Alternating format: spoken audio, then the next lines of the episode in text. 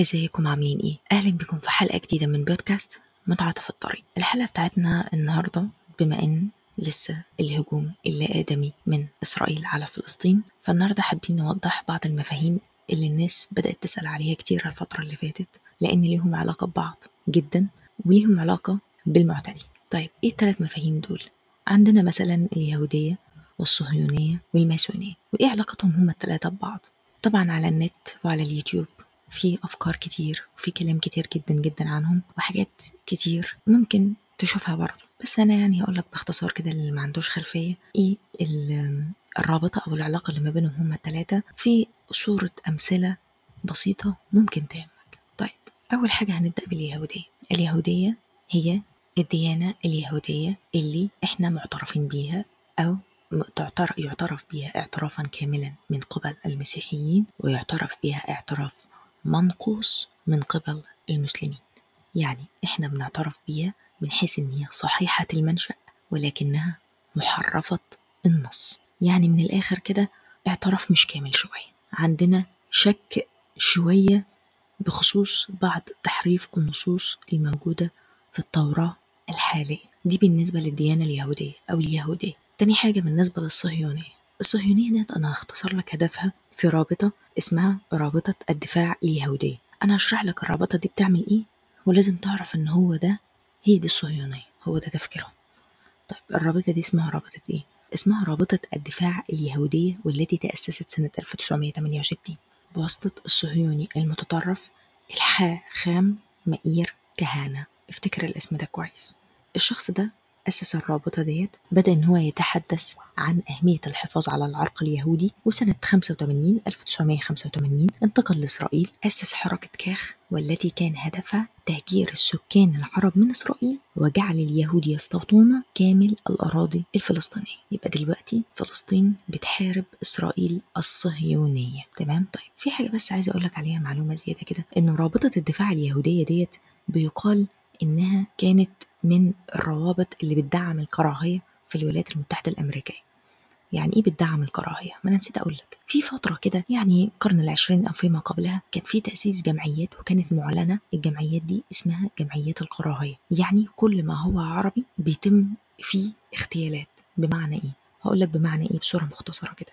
يعني مثلا الرابطة ديت كانت متهمة إن سنة 85 1985 عملت إيه؟ أدت إلى مقتل النشط الأمريكي. طب ما هو نشط أمريكي. لا ما هو من أصل عربي. أليكس أودي. مش كده وبس ده عملت اغتيال لعضو الكونجرس الأمريكي وبرضه من أصل عربي من ولاية كاليفورنيا اللي كان اسمه داريل عيسى. مش كده وبس مؤامرة نسف مسجد الملك فهد في مديرية كالفر في كاليفورنيا. يعني كانت حملة اغتيالات ممنهجة بواسطة الرابطة دي. تمام؟ يعني دلوقتي يبقى دلوقتي انت عرفت اليهودية وعرفت المرحلة المتطورة منها شوية اللي هي الصهيونية. يبقى الهدف دلوقتي تهجير الفلسطينيين من أرضهم والاستيلاء على أرض فلسطين يعني عينهم على أرض معينة. ده تفكير الصهيونية أيا يكن الأسلوب المتبع. اغتيال قتل إبادة جماعية أيا يكن. طيب نرجع بقى للمرحلة المتقدمة شوية. الماسونية. يعني أنت دلوقتي ما عندك حركة صهيونية. الحركة دي محتاجة تدعيم. محتاجة ناس كتير معاك من دول العالم. محتاجة اقتصاد. محتاج إنها تأثر على الاقتصاد على السياسة على الحرب أحيانا. محتاج إنها تعمل في الخفاء. محدش يعرف عنها شوية. يعني مثلا الحركة الصهيونية لما بتنفذ اغتيال ممكن يكون اسمها معروف. ممكن يكون المتهم في الجريمة. يتم الاعتراف بيه بعد كده أو يعترف بيه بعد كده. لكن اللي بتدعو للماسونية لازم تبقى متخفية شوية. عشان كده الدرجة العالية دي سموها الماسونية. يبقى هي بدايتهم اليهودية بعدين الصهيونية وبعدين عشان نحافظ على الكيان ده كله وندخل بقى في فكرة السيطرة على العالم يبقى كده الماسونية. تمام. عايزة أقول لك على حاجة كمان إن كلهم يقال إن هم بينفذوا التعليمات الشفهية للديانة اليهودية والتي تدعى بالتلمود. يعني هنرجع تاني من أول لليهودية.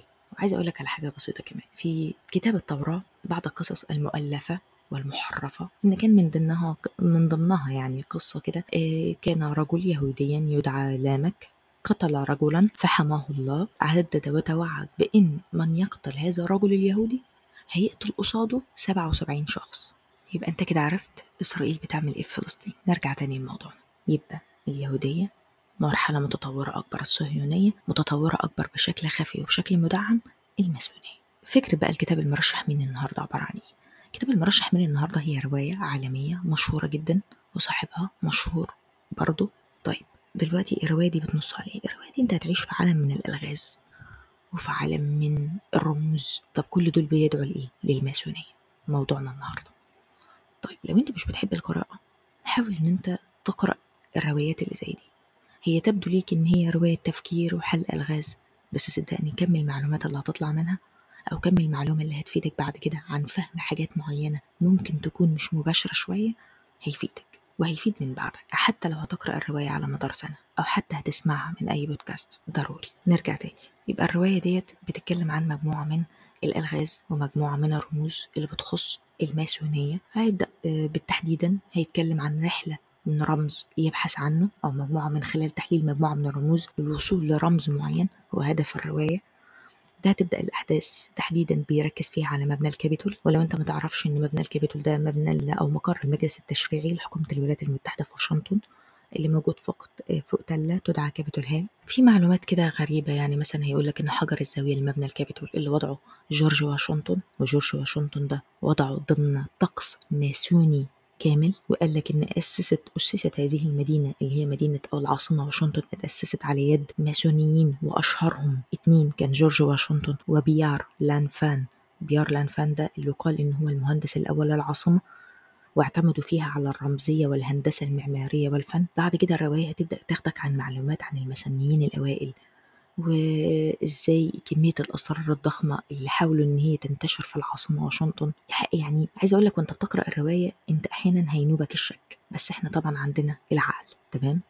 وطبعا عايزة أقول لك على حاجة كمان. بيقال بنسبة 90% إن المعلومات حقيقية. لا إحنا خلينا نقول إن بنسبة من 50 ل 70% المعلومات حقيقية وخصوصا إن شكل الصور والمعمار والهندسة اللي وصفها موجودة فعلا في الحقيقة. لو بحثت عنها. عشان كده بقول لك ركز في الرواية. هتبدأ تجيلك المعلومات عن الماسونيين اللي أنا قلت لك عليها والماسونيين الأوائل وبعد كده هيقعد يقول لك إن هم كانوا بيحطوا علامات تنجيمية في الهندسة المعمارية بتاعتهم. أنا قلت لك ماسونية يعني نظام يوضحه الرموز. ماسونية يعني رموز. هيبدأ بقى في رحلة البحث دي كلها البطل الرواية اللي هو أستاذ علم الرموز في جامعة هارفارد اللي هو اسمه روبرت لاناغدون. هيبدأ يبحث في رحلة من ضمن الرموز دي كلها عن الرمز المفقود. وكل الرموز أو الأيقونات دي هتبقى موجودة داخل مبنى الكابيتول مبنى المقر التشريعي زي ما قلت لك. وفي معلومات بقى هتشوفها كده وتقابلها زي مثلا يد الأسرار الهرم السري المخصص لحماية الأسرار القديمة. حاجة اسمها كده برضو هتبدأ تاخد معلومات عن مكتبة الكونجرس الأمريكي اللي فيها أكبر قاعة في العالم. بعد كده هيبدأ يربط لك الأحداث بإن أعضاء مكتبة الكونجرس الأمريكي أصلا بيعملوا في مبنى الكابيتول اللي هو هدف الرواية ما يقع عليه من رموز ورحلة البحث عن الرمز المفقود. زي ما قلت لك هتتفاجئ كده بمعلومات دقيقة من جنب عن ما اتهمت بيه وكالة الاستخبارات الأمريكية السي آي اي عن استخدامها لبرامج باراسيكولوجية وسيكولوجية شبيهة بالسحر القديم.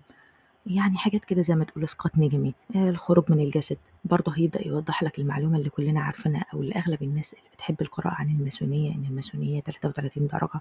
هيبدأ يقول لك طب أكيد كان ليه هدف من زمان للاسم ده.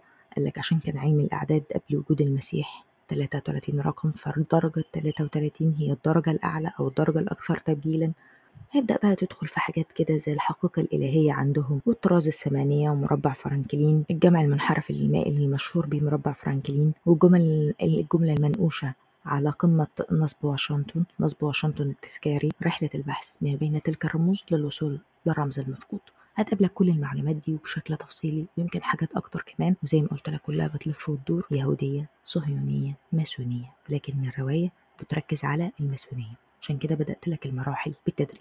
يبقى الكتاب المرشح من النهاردة الرمز المفقود لدان براون قراءة سعيدة.